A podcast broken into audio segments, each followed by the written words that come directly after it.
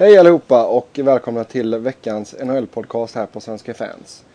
Idag så är vi fyra stycken som kör. Eh, mitt namn är Sebastian Norén och som vanligt så har jag med mig Niklas Wiberg och Robin Fredriksson. Men idag så får vi även eh, tillökning i form av eh, Simon Strömberg.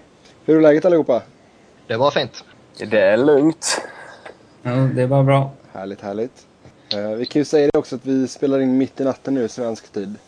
Jag som sitter och gottar med Kalifornien har det så här härligt kvällen. Men ni tre andra kör ju mitt i natten här. Riktigt nördigt. Ja, ja, men det är gott. Just nu så är det ju en match som spelas eh, medan vi pratar faktiskt. Eh, det är ju Washington mot Tampa Bay och där står det 2-2 just nu med eh, ja, någon minut kvar av tredje perioden.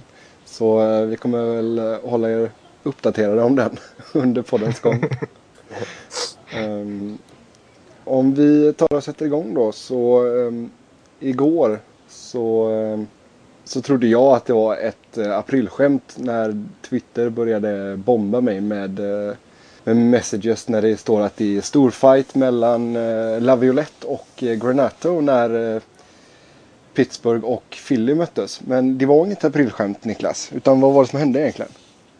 Nej, det var ju inte det. Utan det, Flyers körde över Penguins helt och hållet. Bortsett från de kanske första ja, vad ska man säga, 7-8 minuterna i första perioden där. När, när matchen helt och hållet var Pittsburghs del.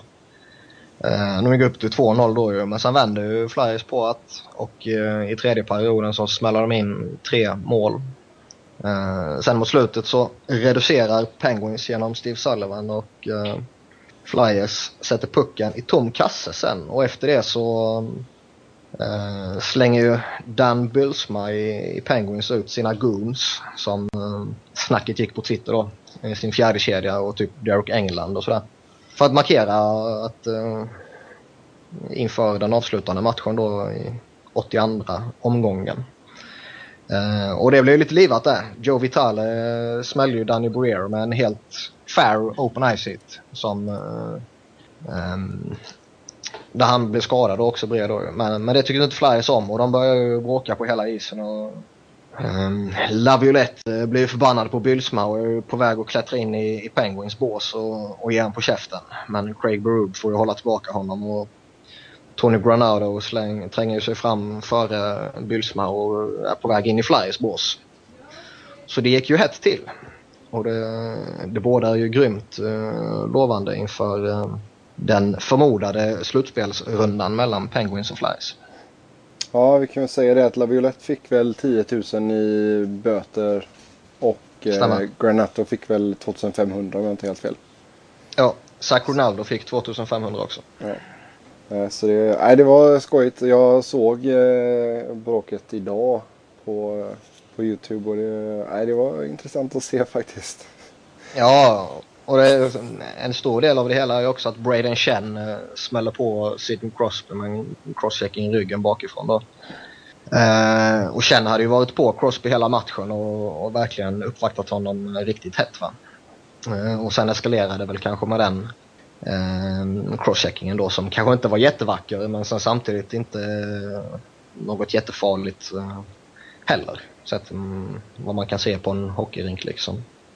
Ja, nej det såg inte så jättefarligt ut. Det var mest att Crosby inte var med på det tror jag. Ja. Så, eh, nej men det är fin eh, rivalitet mellan de två här nu faktiskt. Oh ja.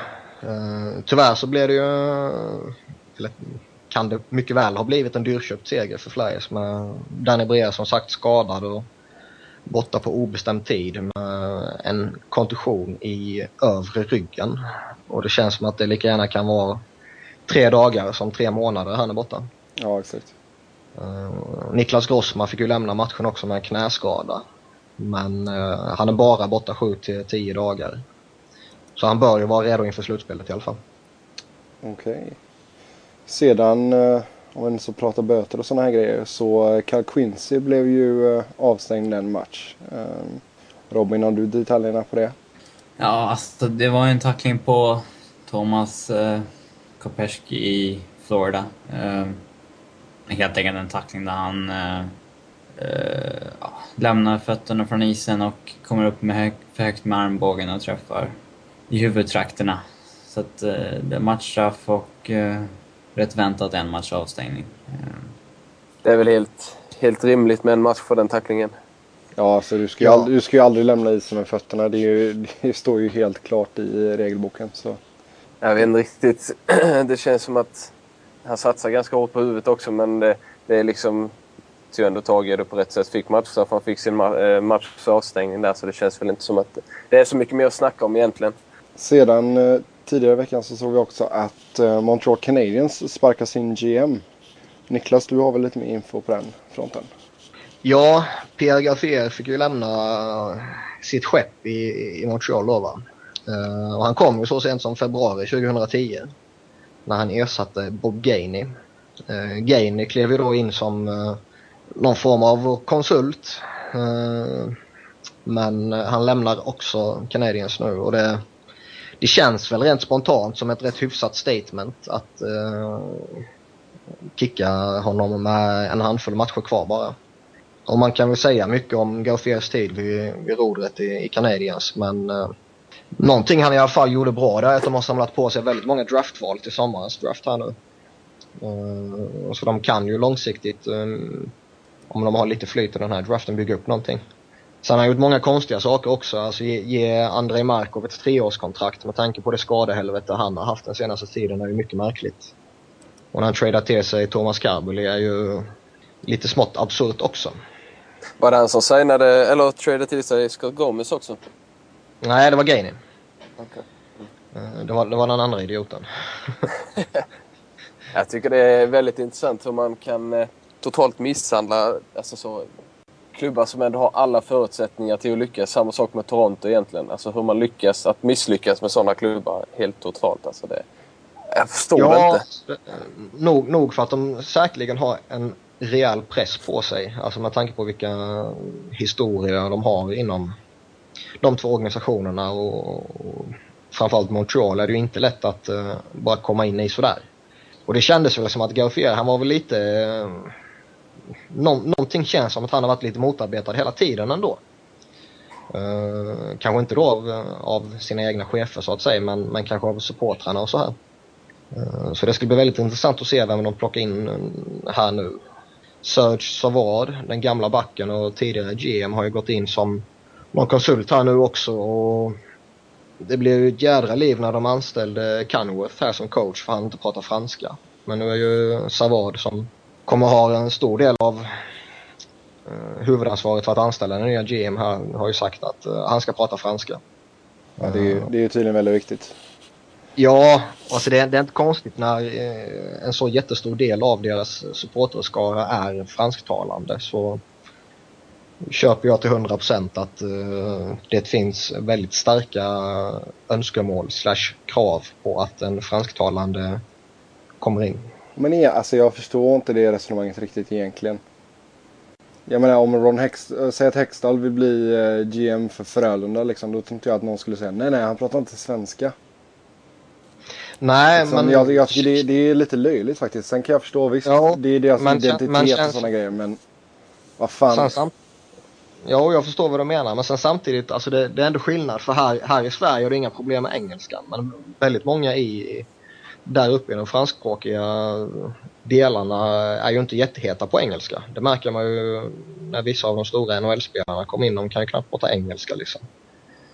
Men sen är det inte väldigt, väldigt hårt på kulturen där också att man ska hålla på franskan. Alltså, de är väl lite så att, att man ska prata franska när man är i Montreal. Det är väl lite väldigt så här kulturbetingat liksom. Att, ju- just att det är därför det är så viktigt liksom. Mm. Eh, det är väl egentligen en, en skitgrej men just för, för sakens skull liksom. Då ska jag inte åka dit för jag pratar ingen franska. Du får hålla dig i Kalifornien. Ja eller hitta något, någon tysk by eller någonting. ja, det är inte fel. Ja. Nej då. Sedan så eh, tänkte vi med att vi har Simon här så eh, ska vi ha lite Florida Panthers special. Och eh, matchen mellan Tampa Bay och Washington är slut nu och Stamkos gjorde två mål så Tampa Bay tog hem det med 4-2. Och det var ju bra för Florida. Det kan man väl säga. Nu är man väl, eh, om jag inte räknat helt, helt fel, så är man en vinst ifrån att vara klara eh, både divisionledare och då automatiskt, eller divisionvinnare då och eh, även eh, klara för slutspel då, automatiskt också. Eh, för första gången sedan år 2000, så det är 12 år sedan sist man var med i slutspelssammanhang. Så det är väl på tiden, om inte annat. Är ju, man måste ju ge dem en stor eloge faktiskt. Det måste man, de har gjort en bra säsong ändå. Ja. Jag ska lägga till att, att det är om man vinner imorgon. Om Florida vinner imorgon så är man klar divisionsvinnare. Ja. Slutspel. Ja. Jo, de har gjort en jättebra säsong för att vara Florida. Jämför man framförallt med förra året så är det ett helt annat lag. Både spelarna som var med förra året och de som är nya har, har en helt annan inställning än vad vi såg i fjol. Ehm, mycket kan man väl tacka Dale Talon för, eh, general manager som kom in förra sommaren. Som ehm, ja, har gett en helt annan tro på laget. Man, tror att man faktiskt kan gå bra nu. Man, eh, det är inte den här extrema förlorarkulturen det har varit i flera år. Eh, utan kom in ett nytt hopp Eh, med, med honom för att han vände ju det helt och hållet när han var general manager i Chicago. Eh, så jag tror att, eh, att man fick in, in, ett, in, in en helt ny mentalitet och tro på, på laget och på sig själv när han kom. Eh, Det tror jag har varit väldigt viktigt eh, i den här eh, rebuilden. Man blåste liksom ut hela det gamla, ja allt vad det gamla Florida stod för egentligen. Man tog tillbaka gamla färger med röd som huvudfärg. Bara en sån grej tror jag är jätteviktig. Att man, det, det var en nystart liksom helt och hållet. Och hittills i år har det ju gått bra i alla fall.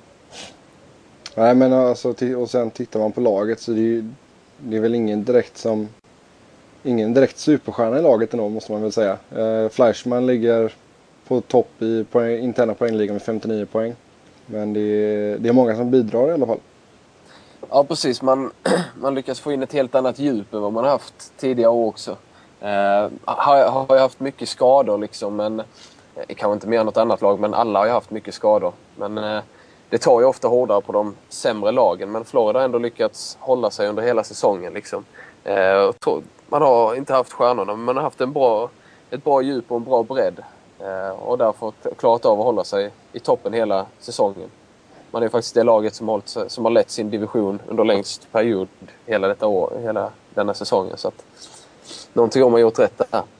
Men precis som du säger, det finns inga direkta stjärnor. Kanske Brian Campbell har väl i alla fall ansetts vara en stjärna för något år sedan, backen där. Mm. Eh, och det var ju mycket det att han- han var ju en stjärnspelare, om man säger så, som, som valde att gå till Florida i somras. Eh, och det sa ju Talon också att det var ett väldigt stort steg för klubben att en stjärna var villig att, att eh, häva sin eh, no trade-klausul för att gå till klubben. Liksom.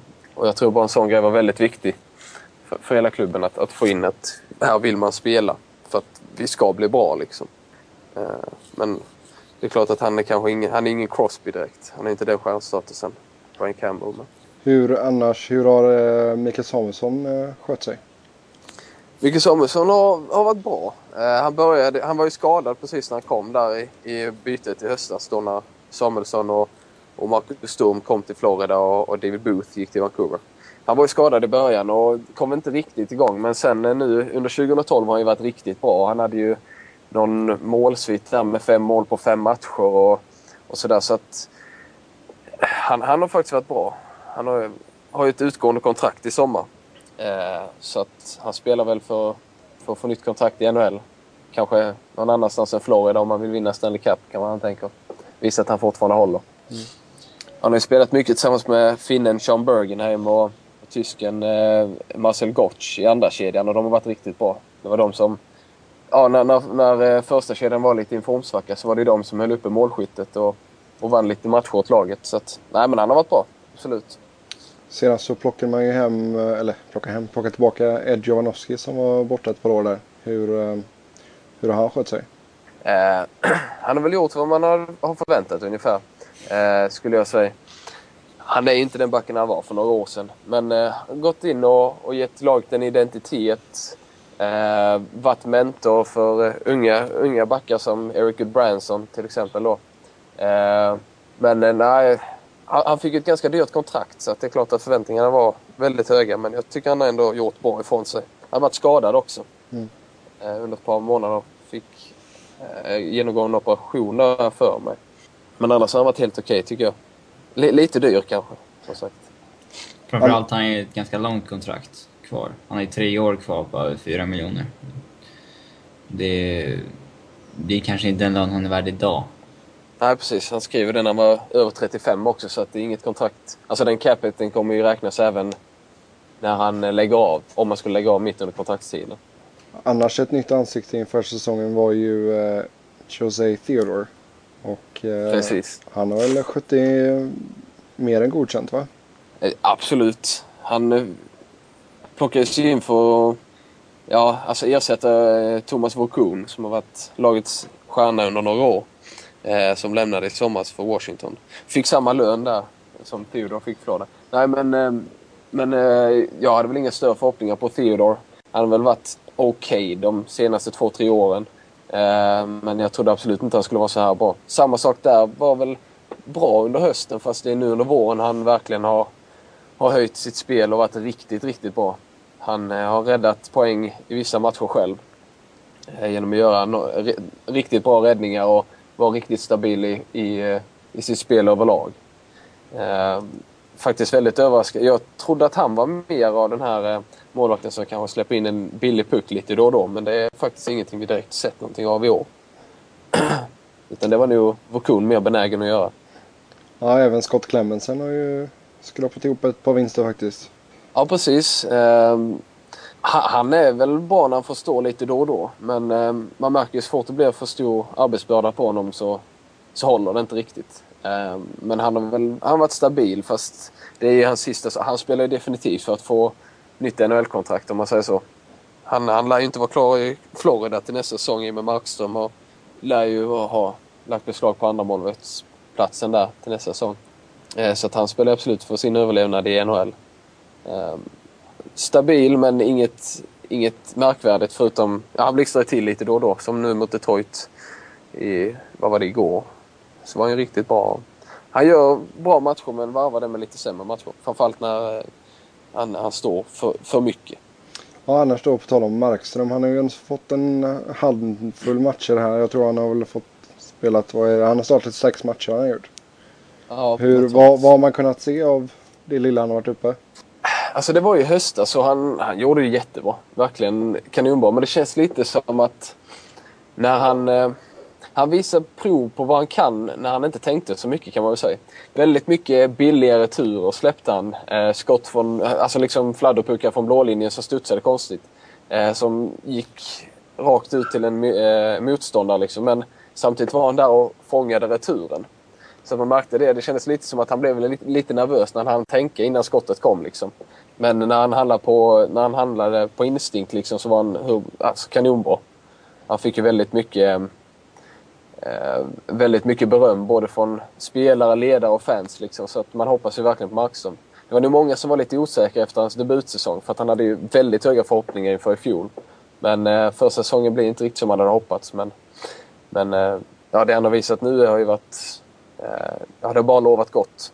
Sen så har han gjort en bra säsong i AHL nu också. Han skadade ju knät i, i vintras igen. Eh, men eh, sen när han kom tillbaka från det så har han ju varit kanonbra. Han, San Antonio då i AHL är ju på slutspelsplats just nu i, i, i eh, AHL. Så att eh, mycket tack vare honom och hans målvaktskollega som har varit riktigt bra. Om vi blickar framåt då lite för Florida så eh, man har ju tredjeplatsen mer eller mindre säkrad. Det skulle väl förvåna oss ifall man inte kniper den då. Och som det ser ut just nu så blir det att man tar sig an New Jersey Devils i en första runda. Vad, vad tror du om eh, chanserna för eh, Panthers i den matchen? New Jersey är ju, har ju underpresterat i många år i slutspelet. Så att på så sätt så är det väl kanske bästa motståndaren att få. Men eh, så att jag har svårt att se att Florida skulle gå speciellt långt i år. Man, det känns ofta som man, man behöver en riktigt, riktigt bra målvakt vanligtvis. Och frågan är om Theodore är den målvakten. Eh, ofta så är det försvarsspelet som, som behövs. Jag vet inte om, om Florida har, har väl ett helt okej försvar men eh, många lite mindre backar. Kulikov ingen, ingen fysisk back. Eh, eh Campbell är absolut ingen fysisk back och jag tror man får problem om, med, med stora tunga forwards. Eh, New Jersey har ju ändå en hel del. Eh, och sen så Kowalczyk är ju... Han gör ju alltid mål mot Florida. Jag tror man, jag tror man får svårt att ta sig förbi New Jersey om man skulle få dem. Men oavsett så är det ju som sagt en stor bedrift att bara ha tagit sig till, till ett slutspel ändå. Precis, och man, sist man spelade slutspel var det ju mot just New Jersey och då fick man stryk med 4-0 i matcher. Så att skulle man vinna en match så är det första gången sedan 97 tror jag som man vinner en match i ett NHL-slutspel. Så att allting, allting är ju bra med slutspel om man säger så. Mm. Ja, Niklas eller Robin, har ni några tankar angående Florida? Ja, alltså man måste ju berömma dem för deras säsong. Eh, sen är ju eh, som, som ni två sa här nu att eh, jag tror inte Florida kommer ha ett, ett dugg att säga till om i slutspelet. Eh, det enda laget jag kan se som Florida möjligtvis skulle kunna hota i slutspelet i, av de som ligger på slutspelsplats för tillfället det är väl Ottawa. Och det känns inte som att Ottawa kommer klättra upp till, eh, till sjätteplatsen. Eh, så jag, jag, tror man kommer få det väldigt tufft mot New Jersey. Um, däremot eh, som sagt det, det är en väldig framgång bara att ta sig till slutspel och jag gillar definitivt vad Dale Tyler gjorde här i somras. Uh, dels förbättrade han ju laget jättemycket givetvis men framförallt så som Simpa var inne på lite i, i början av sitt snack så, så har man fått en liten identitet och, och han tog in många vinnare. Uh, alltså Jovanovski, Campbell, Forstig, Kopesky, Samuelsson och så här. De, de har vunnit Stanley Cup och de har vunnit OS. Och eh, alltså den känslan ska man inte underskatta. Mm, vad de ändå kan bidra med, även om väldigt många, eller väldigt många, men en del av dem är unga och, och en del av dem är eh, riktiga veteraner i, i Samuelsson och Jovanovski till exempel. Eh, just den biten i alla nyförvärven tror jag var jätteviktigt för Florida. Precis. Jag har för mig att förra säsongen så hade Florida inte en enda spelare som hade vunnit Stanley Cup, har jag för mig. Eh, och mm. nu har man väl fem, sex Stanley Cup-ringar inom laget liksom. Ja, ja. Alltså även om det kanske inte just uh, alltid är de spelarna som är de bärande spelarna i, i det här laget. Så känns det ändå som att uh, de är viktigare för Florida än vad liknande spelare skulle vara för väldigt många andra lag precis. Tänk Brian Campbell som, som fick jättemycket skit i Chicago egentligen. Han var ju bra där men han fick väldigt mycket skit för att han hade ett väldigt dyrt kontrakt. Som han inte levde upp till. Så får han ja. chansen här i Florida då, går in och... Han har ju mest speltid av alla spelare i hela NHL. Sex utvisningsminuter. Han har en poäng från personliga rekordet på... Han har 51 poäng nu, personliga rekordet är på 52 poäng. Så han har gjort en kanonsäsong. Och som spelare hade det kanske inte blomstrat om han hade kommit till Flyers eller Pittsburgh eller Rangers eller vilket annat lag som helst. Nej, alltså här, jag har ju alltid gillat Campbell. Sen har han ju alltid fått mycket skit och jag har själv gett honom mycket skit för det kontraktet. Sen är inte det hans fel att, eh, att han har det kontraktet givetvis. Det skulle ju varenda människa signera ett sånt kontrakt. Men eh, det har ändå legat i vägen för honom, det kan man inte blunda för. Ehm, nu kommer han till ett lag där, eh, alltså det spelar ju inte någon roll överhuvudtaget vilket kontrakt du har i Florida för de kommer under de närmsta åren ändå inte vara i närheten av lönetaket känns det som. Precis. De är ju inte denna säsongen och jag har väl svårt att se dem det nästa säsong också till exempel. Så väldigt många kontrakt som ser lite suspekta ut hos Florida, typ Fleischman, typ eh, Campbell, typ eh, Bergenheim. Då va? Jovanovski också. Jovanovski och sådana. Alltså det, det påverkar inte Florida på, på något sätt överhuvudtaget skulle jag vilja säga. Definitivt inte i dagsläget och jag tror inte det gör det under en, ja, en två, tre års period framåt heller. Låt oss säga till exempel eh, de som kommer upp, eh, alltså unga spelare som inte kommit upp än. Jonathan Huber då, kanske Nick Bjugstad. De, deras entry level-kontrakt kommer gå ut kanske när Ed Jovanovskis kontrakt går ut. Så att, men jag menar de, de pengarna kommer, kommer frias upp då ändå liksom till... Ja, när det är dags liksom det... att, skriva de här kontrakten. Ja, och Dale Talon han är ju, han är ju grym ju, så han är ju mycket väl medveten om, eh, om just att, som du sa, att överlappa varandra där. Ehm, så den aspekten eh, i Floridas lagbygge är ju jätteviktig.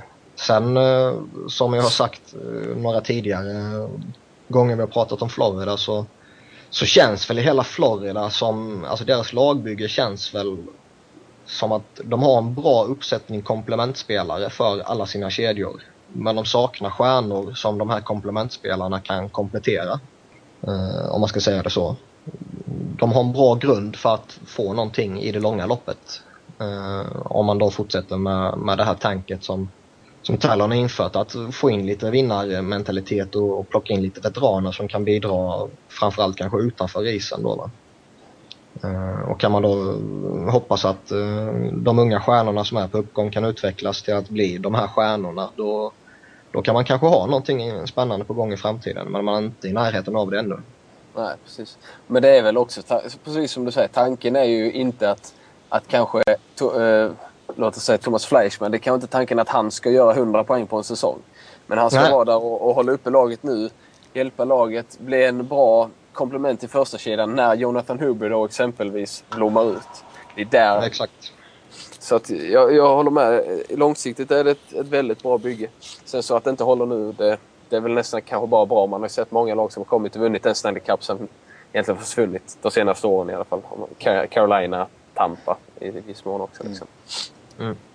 Men tror du att man eh, kommer satsa på att få in en, eh, alltså mer eller mindre stjärnspelare då eh, i free transfer-marknaden den här sommaren?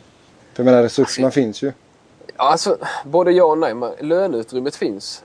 Men Florida har ingen hög budget. Alltså man ligger ungefär på, på vad man har haft de senaste åren. Jag tror inte det finns jättemycket pengar utöver det. Jag vet inte än. De har inte gått ut med och sagt hur mycket de kan spendera eller så. Men jag vet i fjol så var det ju taket ungefär där man har lagt sig. Så lönegolvet var ungefär eller, eh, lagets lönetak. Just för att man har ingen jättebudget. Men har lite svårt att se vem skulle man kunna plocka in. Alltså, Zach Paris är inte ett dugg intresserad av att gå till Florida.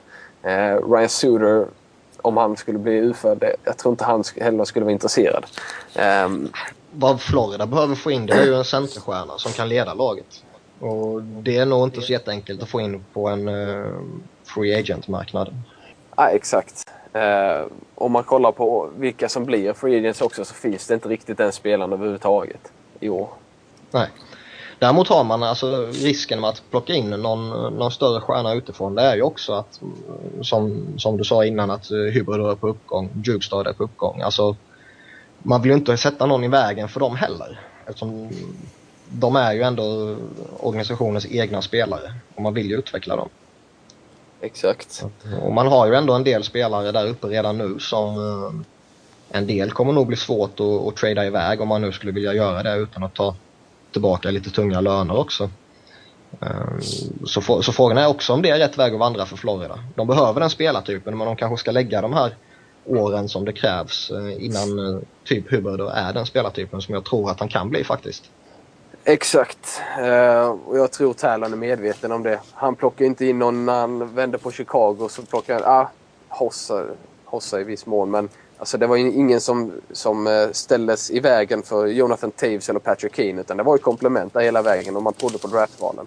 Och det har ju mm. Tärlan sagt hela tiden att det är genom draften vi ska bygga. Liksom. Sen att man kompletterar med spelare utifrån, det måste man göra för att bli ett framgångsrikt lag. Liksom. Men men jag tror inte heller riktigt vägen att gå, i alla fall inte för en klubb som Florida är. Det är inte att plocka in superstjärnorna.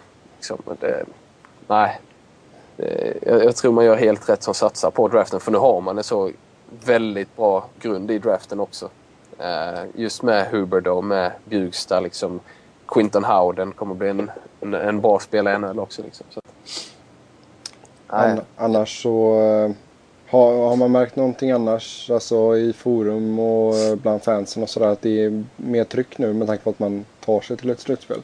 Absolut, och det var egentligen, det blev en hype redan i somras faktiskt. Eh, sen så har den var, väl bara byggts på egentligen av att, eh, eh av att det har gått så pass bra som det har gjort. Eh, We See Red var ju en kampanj som Florida startade i somras och Florida har alltid varit ganska bra på, eller de har fått väldigt mycket beröm för att man är bra på att marknadsföra sig. Men i år har, har man ju kunnat backa upp det med bra spel och lite vinster också. Liksom. Så att det har blivit en ordentlig hype. Det, det här röda havet som man ser i Washington, kanske inte riktigt så mycket men ja, så mycket har det inte blivit i Florida men man märker ändå den tendensen att det är många som gillar det här We See Red temat. Liksom att man går tillbaka till det röda temat. Jättemånga som sitter med t-shirts på läktarna. Det, man kan faktiskt fylla hallen även när inte Toronto och Montreal är på besök utan det räcker att ja, Rangers är där eller Winnipeg eller vilka som helst egentligen. Är det rätt dag i veckan så, så är det mycket folk liksom. Så, det, det har väl annars varit ett av problemen för uh, båda Florida-lagen. Annars ja. att få folk till hallen liksom. Och Tampa har i alla fall haft ett lag som, som har varit bra. Man har haft en franchise-spelare i Le Cavalier eller Saint Louis eller Stamkos inte minst. Eh, Florida har inte haft en spelare sedan Boré lämnade egentligen. Och eh, man var ju inte speciellt bra på den tiden heller egentligen. Eh, så man hade väl inget jättetryck då heller. Utan man får gå tillbaks till det här eh, när man, när man leder Stanley Cup-final 96. De åren för att hitta någon sorts hype här. Och det är samma sak man har börjat... Det blir ju...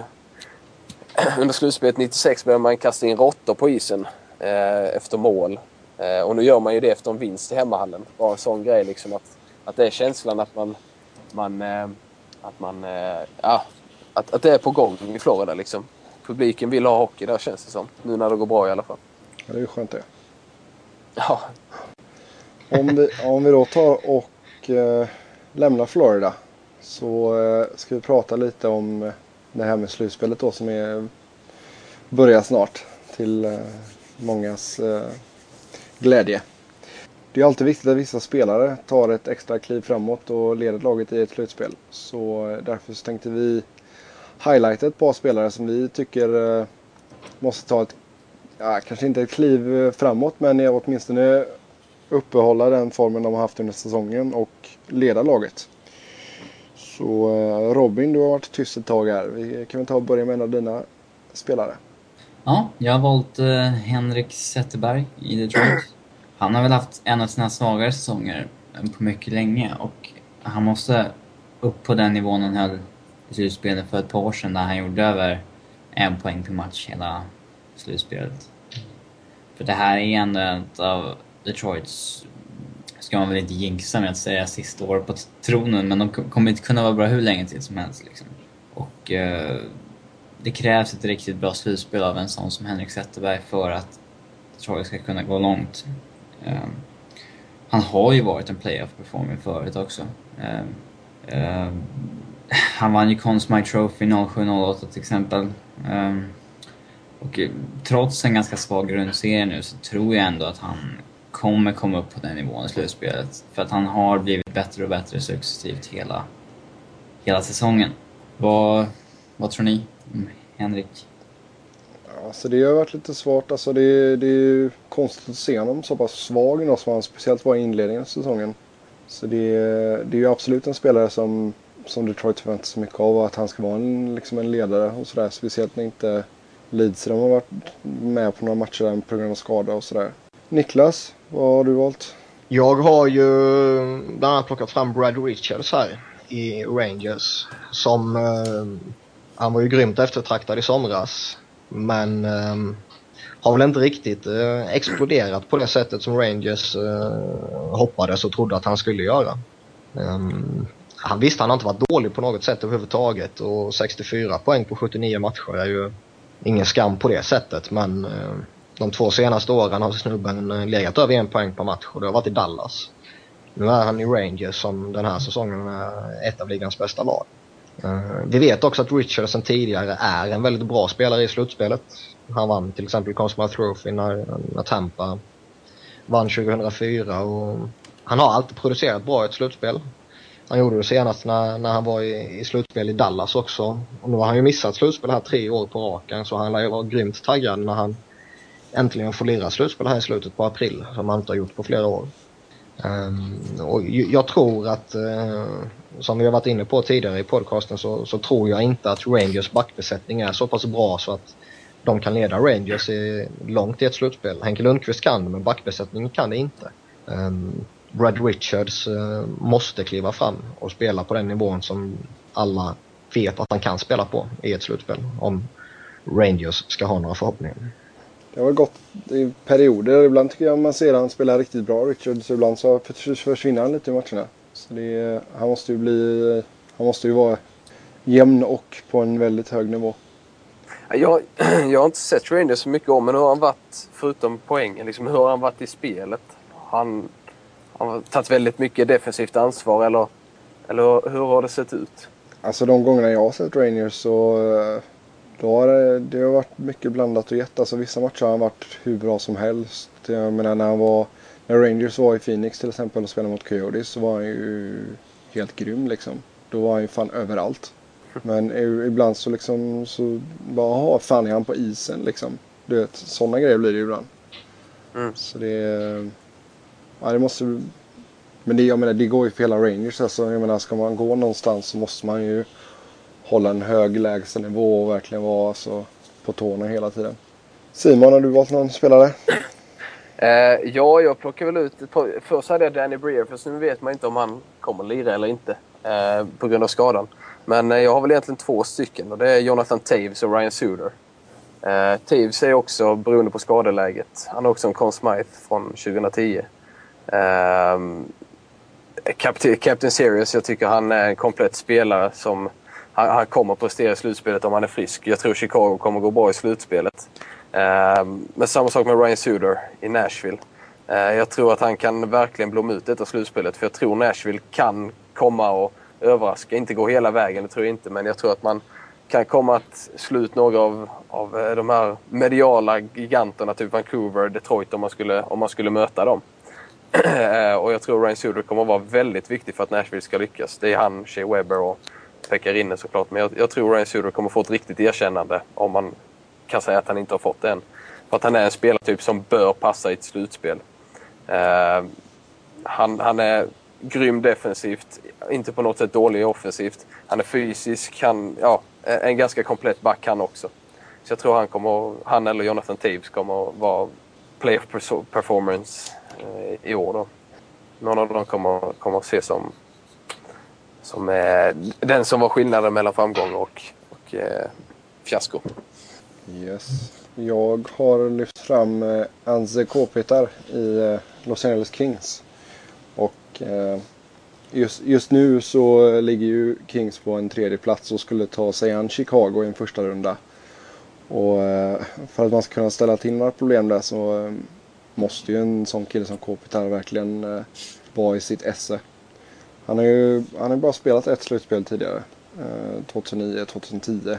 Och eh, då gjorde han fem poäng på sex matcher. Så det, det är väl helt klart godkänt. Men eh, det har väl gått lite halvknackigt. Alltså det har ju gått halvknackigt för hela Kings offensiv under perioder här under säsongen. Speciellt i ja, de första två tredjedelarna av säsongen nästan får man säga. Nu har man kommit igång eh, jävligt bra på slutet och även Kopitar har ju börjat stänka in lite mål och han har gjort 25 mål igen. Det är väl eh, femte säsongen i rad här nu som han har åtminstone 25 mål. Så det är, alltså det är, jag skulle vilja säga att det är, det är ju Kings bästa offensiva spelare. Han måste ju ta nästa kliv på utvecklingsstegen tycker jag. Ja, absolut. Uh, han är en väldigt duktig tvåvägscenter nu. Uh, han får väldigt lite erkännande för det, det gör han. Men uh, han behöver snäppa upp sitt spel ytterligare. just för att, som alla har väntat på så länge nu, att han, han ska bli den ledande spelaren i Los Angeles och han ska bli en, ett väldigt aktat namn i ligan också. Vilket han har potential för, men inte riktigt har nått ännu. Men frågan är, passar hans spelstil i ett slutspel? Alltså han är, han är inte den fysiska spelaren kanske direkt. Eh, inte jätteaggressiv. Brukar det inte vara de som, som eh, sticker ut i ett slutspel? Jo, alltså grejen är att han är ju en jävel med pucken alltså. Det är, alltså. Även om någon försöker köra över honom så lyckas han ju komma ur situationen med pucken ändå liksom. Nej, men det är ju bara att kolla på en sån som Danny Breer som uh, var ett av mina namn innan uh, nyheten om den här skadan kom då. Uh, som är den spelaren som har producerat mest poäng i slutspelet efter lockouten. Uh, som inte på något sätt är någon fysiskt dominerande spelare på det sättet. Sen är han väldigt stark. Uh, men han är ju också extremt liten sett till vilka motståndare man kan ställas mot. Men han är ändå en aggressiv spelare. Alltså, ja, det. Jo, han har en annan mentalitet på det sättet. Ja, det, men sen samtidigt det behöver inte riktigt vara den, den spelartypen heller. Inte i dagens NHL. Det behövdes det för tio år sedan, utan tvekan. Men idag klarar man sig på, på ett annat sätt så länge man har spelskickligheten. Men samtidigt så har ju Kopitar, han har ju blivit bättre i det fysiska spelet. Alltså han var ju väldigt valpig först när han kom in men det, det, det ser ju bättre och bättre ut för varje säsong som går. Men, eh, du som har följt Philadelphia, Niklas. Eh, Mike Richards, vad kan han mm. göra i ett slutspel för, för Kings? Allting.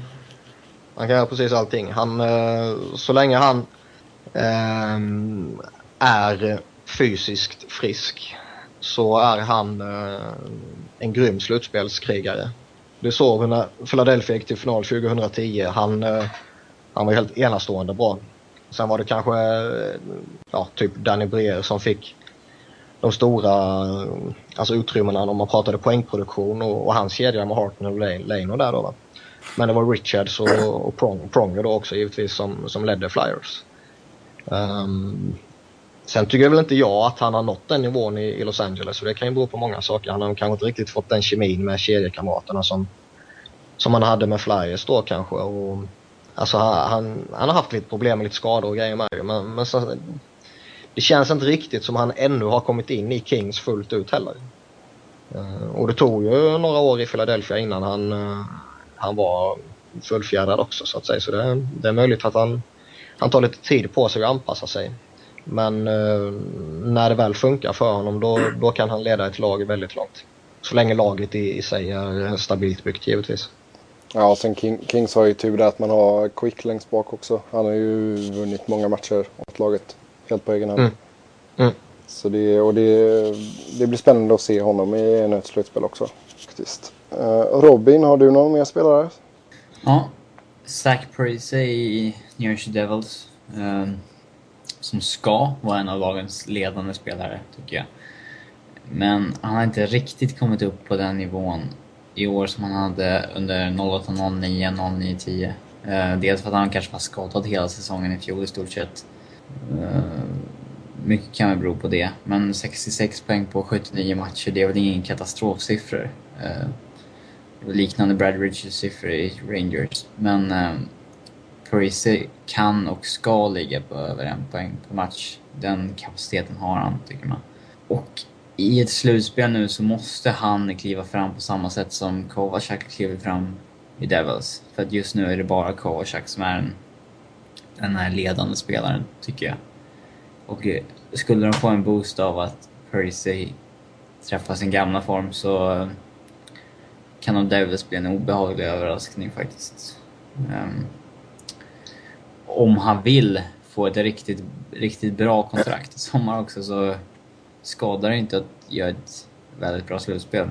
Paris, han är ju, jag vet inte riktigt, tidiga år, alltså han har väl gjort en del poäng och så i slutspelet. Han är alltid nyttig för laget. Eh, men jag vet inte, jag tycker han, han har en liten tendens att falla bort ibland.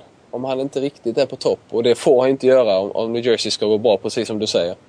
Um, men uh, han är lite svårt att veta vad man har honom alltid. mm. Jo, och sen speciellt med tanke på vilken uppvaktning Kowalczak kommer att få nu i slutspel också. Så måste någon annan kliva fram. Ja, de, de har ändå ett par offensiva kort där Devils med Kovacak, eh, Elias, Parisi, Henrik. Men eh, Parisi har verkligen kapacitet att göra en, en bit över en poäng per match och eh, ska Devils gå långt så krävs det att han gör det helt enkelt. Niklas, har du någon annan spelare du vill highlighta?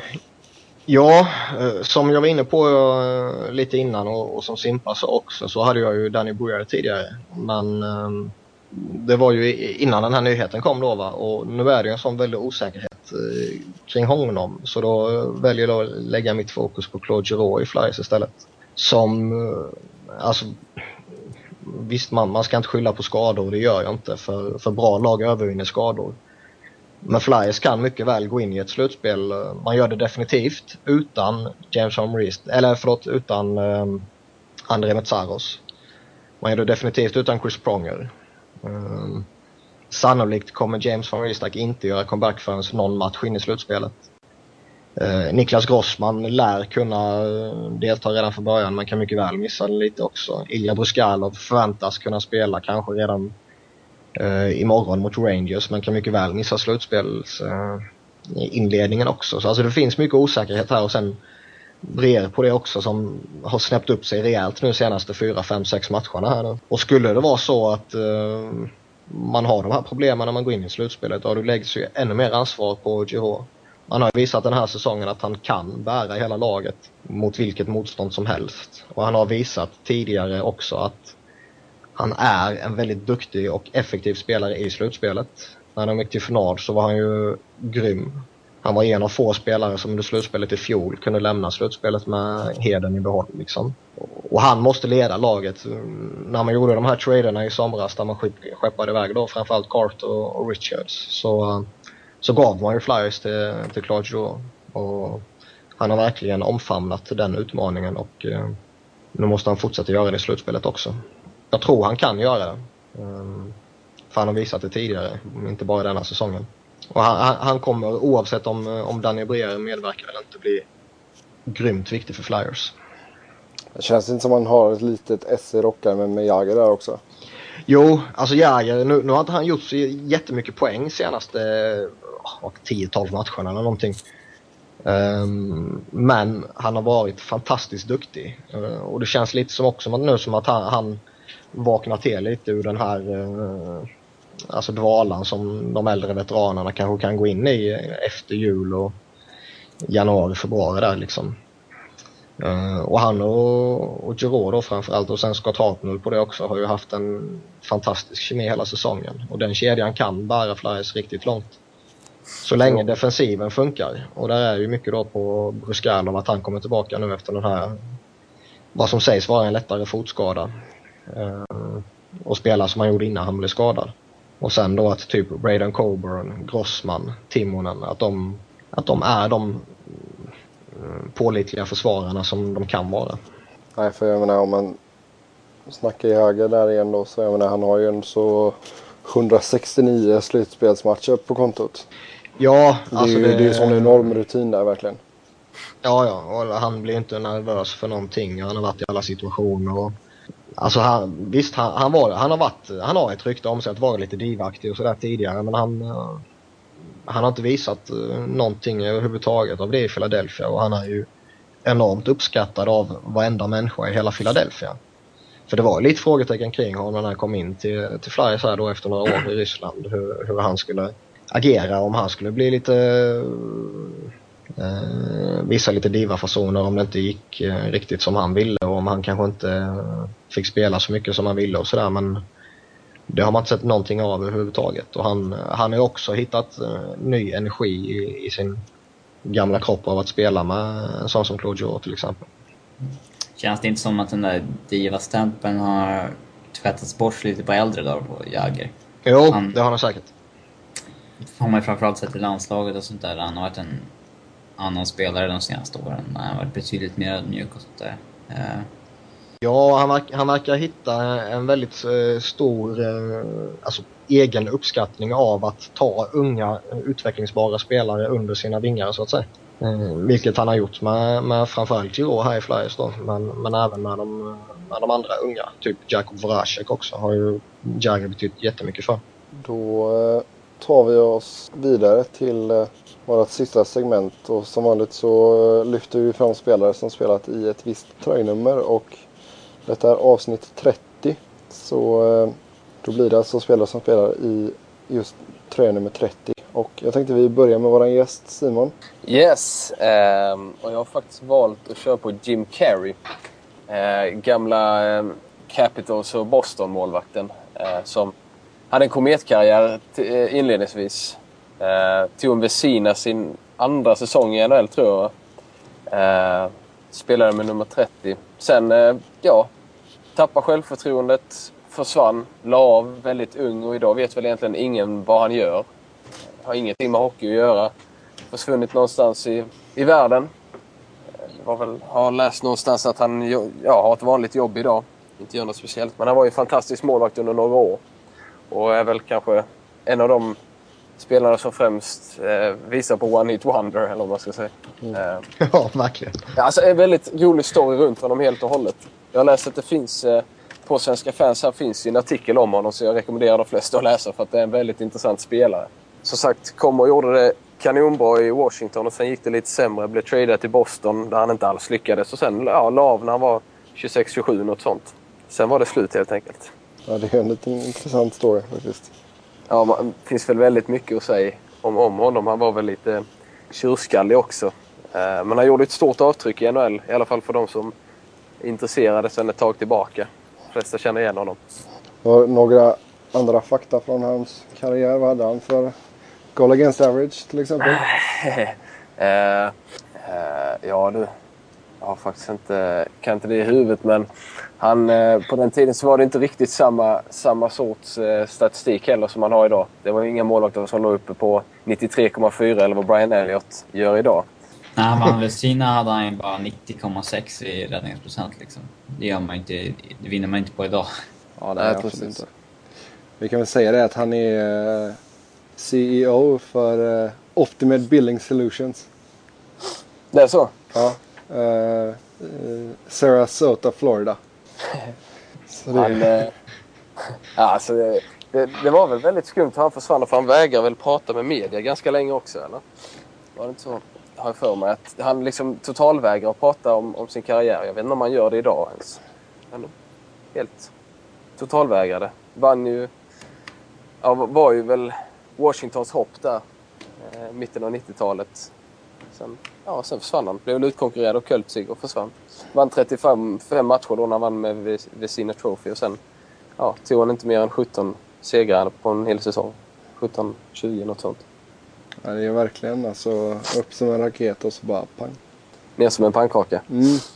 kan Ja, nej, säga. alltså det är, ja, nej, det är lite konstigt där faktiskt. Jag menar, fyra matcher i St. Louis 98-99 innan det sa helt tack och hej. Ja, Så jag menar, han gjorde ju bara 170, ja, drygt 170 matcher liksom. ja, precis. Sen tackar han för sig. ja, det var väl någon skada egentligen som ställde till det också, för mig. Ehm, men sen, eh, ja, sen bara försvann han. Det ville inte längre liksom. Han, han var väl... Om, låt oss säga att Steve Mason hade lagt av nu. Columbus-målvakten. Då hade det varit lite samma story kanske. Nästan i alla fall. Men det är då den närmsta man kan jämföra i, i dagens NHL tror jag. Han hade ju även fina smeknamn på grund av sitt namn också. Han var kallad The Mask Ace och The Net Detective. Ja, referenserna till skådespelaren där. Ja, Istället för The Pet Detective. ja, Ja, nej, det är fint. Det var en bra val där Simon faktiskt. Ja, Kan ju även nämna att han faktiskt vann VM-guld också 96.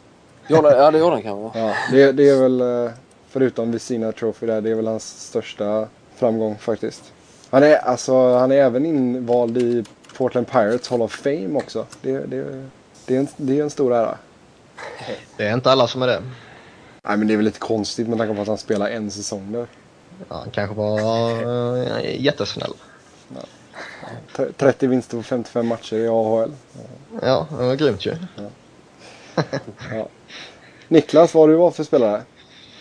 Jag har ju plockat fram ingen mindre än Bernie Parent. Eh, som ju är mest känd för att spelat in tröja nummer ett. Men eftersom vi börjar med den här grejen eh, en bit in i eh, den här programserien så väljer jag att plocka honom nu. För han spelade några säsonger i nummer 30 också. Och det är ju eh, utan tvekan Flyers största målvakt genom tiderna. Eh, hans insatser under säsongerna 73-74 och 74-75 ses ju av många som de två främsta säsongerna en målvakt har haft efter varandra. Och då gick han in och plockade både ehm, um, Vetsina Trophy och eh, uh, Consmart Trophy. Uh, när Flyers vann två raka Stanley Cup där. Och um, blev ju... Eh, alltså vad ska man han, han var ju avgudad i Philadelphia. Uh, och när han vann där då, första året så gjorde han det med en goal against average på 1,89 under grundserien. 73-74, vilket på den tiden är ju en helt enastående siffra. Det är enastående idag också. Ja, ja, ja verkligen, verkligen. Men, men framförallt då. Ehm, och jag menar, det, det finns inte ord som kan beskriva hur stor han är i Philadelphia. När han spelade den här eh, veteranmatchen i Winter Classic nu så eh, fick han ju inleda matchen och spelade en 5-6 minuter. Och eh, gjorde ju fem räddningar och fick hålla nollan och han fick ju sådana tokhyllningar när han presenterades och när, när han sen bytte då va. Ja men det är kaxigt att gå in som 65-åring där. Ja, ja. Eh, det, han var ju tvungen att gå in i specialträning under flera månader för att eh, klara av det i princip liksom. Mm, men alltså han, han, är så stor i Philadelphia så det går inte att beskriva. Och till och med folk som aldrig har sett honom spela, eh, liksom som föddes ja, tio år efter han var som allra bäst, har en jättestor kärlek för honom. Så det, han blev den första som fick sin tröja hissad i taket i Philadelphia också när han slutade 79. På grund av en, en ögonskada där när han fick en, en klubba som trängde in i ögonhålet på målvaktsmasken där då. Så hissade de upp nummer ett i taket i, i Spektrum. Och efter coachen var han till exempel, eller efter karriären var han till exempel målvaktscoach i Flyers då. Tog bland annat hand om eh, Pelle Lindberg som deras eh, samarbete var ju väldigt eh, nära och, och, en stor grund till Pelle Lindbergs utveckling. Och samma sak med Ron, Ron Hextall då när han kom efter Pelle Lindberg. Jag kan nämna det också att 73-74 så tog han ju 47 segrar och det var ju ett rekord som stod sig till bara för några år sedan när, när Martin Brodeur tog 48 segrar. Om det kan ha varit 07-08 eller något sånt.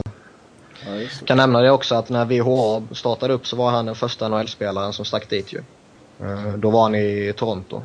Men sen stack han efter en säsong där och kom tillbaka till Flyers och gjorde ju dundersuccé då.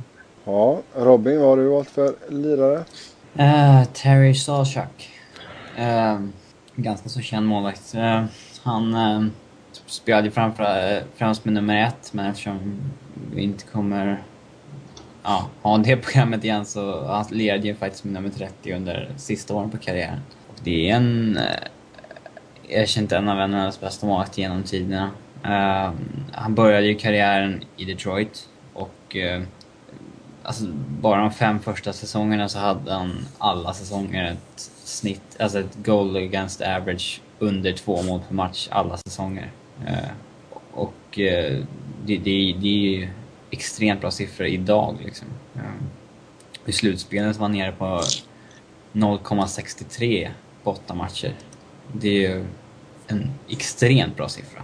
Och efter fem säsonger i Detroit spelade två säsonger i Boston eh, innan han återvände till Detroit. I eh, sju säsonger var fortfarande en av världens bästa målvakter. Sen blev det tre säsonger i Toronto, en säsong i Kings. Sen Detroit en vända igen och sen så avslutade han i Rangers. Kanske är inte direkt frivilligt för att han var bara 31 år när han gick bort eh, under pågående säsong i New York Rangers efter ett eh, fylleslagsmål med en lagkamrat. Eh, där han eh, ramlade över hans knä typ, och knäckte bröstkorgen på något sätt. Och eh, ja, det var en olyckshändelse egentligen. Men eh, googlar man namnet Terry Sarsak så ser man vad som kunde hända med målvakter när de inte hade målvaktsmask. Det finns ett antal där i det ansiktet. Och han hade under hela sin karriär egentligen problem med sjukdomar, eh, depression. Ja, hade han, låg, han var på gränsen till sammanbrott hela tiden sades det egentligen. Eh, men eh, trots det var han NHLs bästa målvakter under lång, lång tid. Och han hade, trots att han gick bort när han var 31 år så hade han länge rekordet för flest vinster i NHL innan Patrick Raw tog det 2001. Alltså 31 år efter Terry Sarchuk. Jag tror att det är det rekordet som Martin Brodeur har idag. Ja. Yep. Och, uh, han är också en av få som har fått sin tröja hissad i Detroit. Jag har ju heller aldrig sett honom spela så, men uh, om man kan läsa sig till om honom så är det ju en av de absolut största målvakterna som, som har spelat i NHL. Ja, det är väl mest de bilder man har sett och sådär. Ja, det finns väl, finns väl en bild där han har ett jätte rakt över hela ansiktet. Ganska, när man söker på hans namn direkt. Så. Mm. Alltså det är ett enormt ärr. Det är ja, riktigt, hela, riktigt fighting face. Hela ansiktet är helt eh, förstört nästan. Liksom. Det är ärr åt alla möjliga håll. Liksom. Han sa sig att han var en sån där målvakt som på träningar och sånt där så stod han mest bredvid målet. Typ sträckte in klubban och försökte rädda puckarna lite halvhjärtat. Men sen när det blev match så eh, var han nästan omöjlig att göra mål på. Mm. Och han hade blåmärken över hela kroppen efter matcherna för att allt som gick på mål tog han liksom. Mm. på den tiden hade ju inte målvakten något jätte, jättebra skydd heller. Då eh, kliver vi vidare på den sista spelaren här och det är jag som ska presentera Martin Pierre Brudor. Spelande legend får man väl så kalla honom. Han har eh, tillbringat hela karriären i eh, New Jersey Devils. Han har vunnit tre Stanley Cups. Han har två OS-guld. Han är NHLs all time leader med flest vinster under en säsong. Ehm, han är den enda spelaren i NHLs historia som har åtta 40 vinstsäsonger. Ehm, han har vunnit Vesina Trophy fyra gånger. Han har spelat eh, All-Star-matcher eh, tio gånger. Han har vunnit Calder Trophy. Han är en av två målvakter som har gjort mål i eh, både grundserien och slutspelet. Det är, det är lite coolt faktiskt. Ehm, han är en jäkel med, med klubban faktiskt, det måste man säga. Annars så kan man väl säga att eh, Brodor han kör väl lite av en hybridstil mellan eh, stående och butterfly. I och med att han är hållit på så pass länge när målvakten fortfarande stod upp. Det, Är han den bästa målvakten genom tiderna? i, alltså modern tid så absolut. Det, det måste vi väl nästan kunna komma överens om tror jag. Ja. Ja, Det- statistiken uh, ljuger ju inte. Uh, med tanke på allt han har åstadkommit och uh, även om uh, man som Flyer-supporter inte vill säga det så är han ju en, eh, en levande legend. Eller en spelande legend kanske man ska säga. Sen är det alltid svårt att jämföra spelare idag med spelare på 40, 50, 60-talet till exempel. Då det är två helt olika sporter för det första och för det andra har man ju är det väldigt få som har sett eh, båda mm, Alltså båda, båda generationerna så att säga. Jo men vi kan ju absolut säga att han är den bästa målvakten vi har, vi har sett sen liksom början av 90-talet. Ja, absolut. Jag håller med. Jag menar visst, alltså Hasek och sådana gubbar i all ära men Brodor är ju snäppet vassare alltså. Ja, Ja, man, man, kan, man kan väl säga att det kanske har varit eh, andra spelare som har haft en högre högsta nivå eh, under en kort period. Eh, eller enstaka säsonger här och där va. Mm. Men det är nog ingen som har varit så bra som han har varit under så många år. Sen är det Ja. lite så som, som jag tyckte med Bordeaux i alla fall när jag, så länge jag har sett honom. Det är just det där att anledningen till att han har så mycket vinster. Alltså han har ingen jätteräddningsprocent om man säger så. Men han har ju väldigt mycket vinster. Men det är för att han kan släppa in tre mål så länge laget gjorde fyra. Men jag, liksom en, släppte New Jersey bara in ett, eller gjorde New Jersey bara två mål, ja då släppte han bara in ett mål. En liten sån målvakt var han att när det väl, nu måste jag spika igen och då spikar han igen liksom. Ja absolut. Och jag menar han är en så... Han har aldrig legat under 90 procent någon säsong.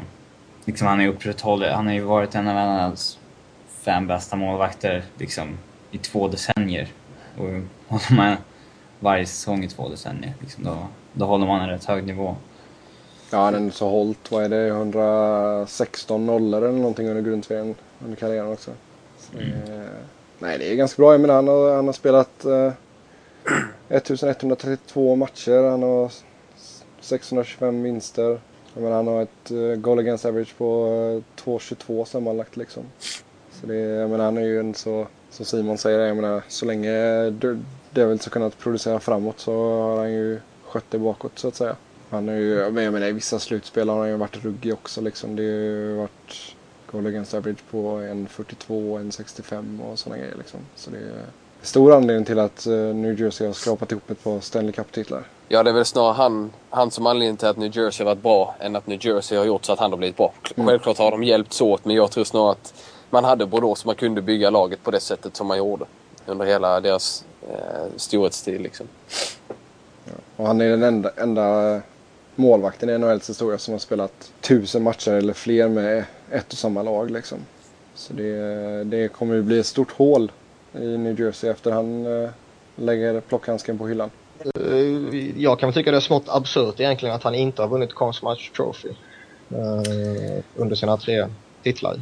Visst, det har varit andra väldigt på, alltså duktiga spelare istället, men det känns ändå konstigt att en, en sån spelare inte har fått en, en sån titel.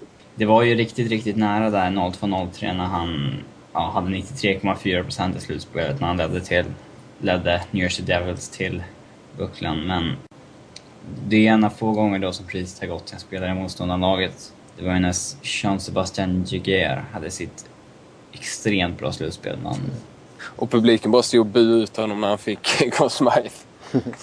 Där direkt efter. När när han delades ut så hela New Jersey-publiken bara stod och buade ut Gigada. Ingen jättefin gest kanske, men de ville att Bordeaux skulle ha den. Mm. Såklart. Nej men alltså han, han gick som nummer 20 i draften 90 och sen eh, så jag menar han körde han gick ju mer eller mindre, eller ja, han gjorde fyra matcher första säsongen där. Sen så eh, spelade han med Utica Devils i AHL. Men jag menar sen 93-94 där så har det ju, då har han ju haft första spaden liksom. Det har det varit, aldrig varit någon som har kunnat hota honom. Det var ju lite intressant där, för det, jag har för mig att det var Calgary som eh, skulle drafta som nummer 6 eller nummer 7 hade bestämt sig för att ta en målvakt. Styrde mellan Martin Bordeaux och Trevor Kidd. Och de valde Trevor Kidd. Oh.